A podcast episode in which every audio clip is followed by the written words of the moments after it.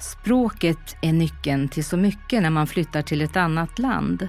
Nyckeln till samhället, till nya vänner och till jobb. Nu är det tredje säsongen av vår poddserie för SFI. Den här gången pratar vi om jobb och yrken. I varje avsnitt berättar en person om sitt yrke. Välkommen! Idag träffar vi Lena och Linda som är undersköterskor. De jobbar på ett storsjukhus på en intensivvårdsavdelning med mycket sjuka människor. Man kan arbeta som undersköterska efter att ha studerat omvårdnadsprogrammet på gymnasiet eller läst en vård och omsorgsutbildning på till exempel komvux.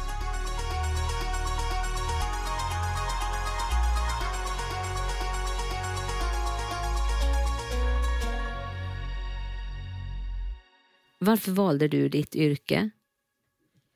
Eh, ja, jag är väldigt intresserad av att jobba med människor. Jag trivs att göra det. Eh, ja, det är därför jag valde det. Och jag instämmer också att jag tycker det är kul att jobba med människor. Just för att hjälpa andra svårt sjuka. Minns du din första dag på jobbet? Ja, det gör jag. Eh, det var ett positivt intryck. Mitt första ja, möte här. Ja, så du fortsatte helt enkelt? Det stämmer. Berätta om tre saker du gör på jobbet varje dag. Eh, jag tar prover.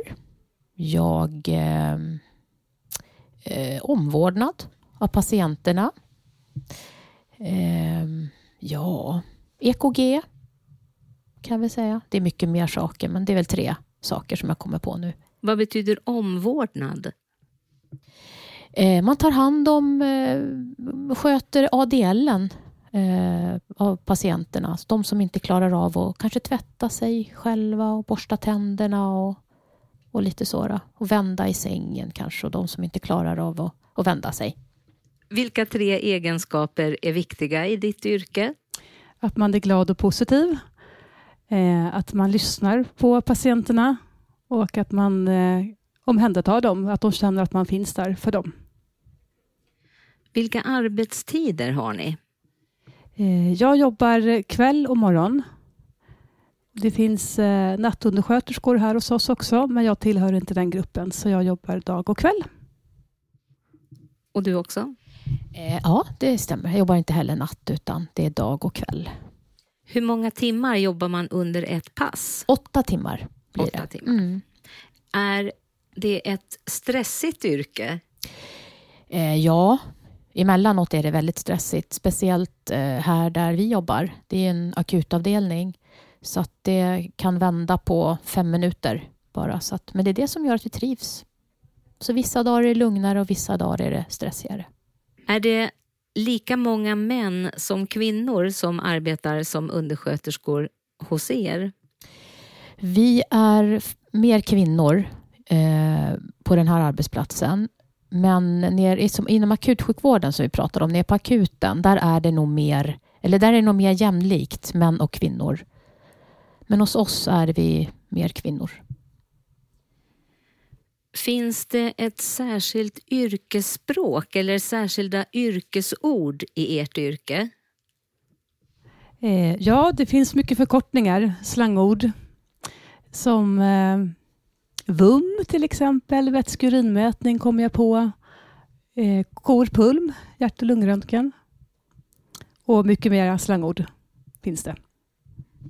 Eh, etyliker till exempel istället för ja, om man har problem med sprit. Eh, alkoholist, då säger vi till exempel etyliker.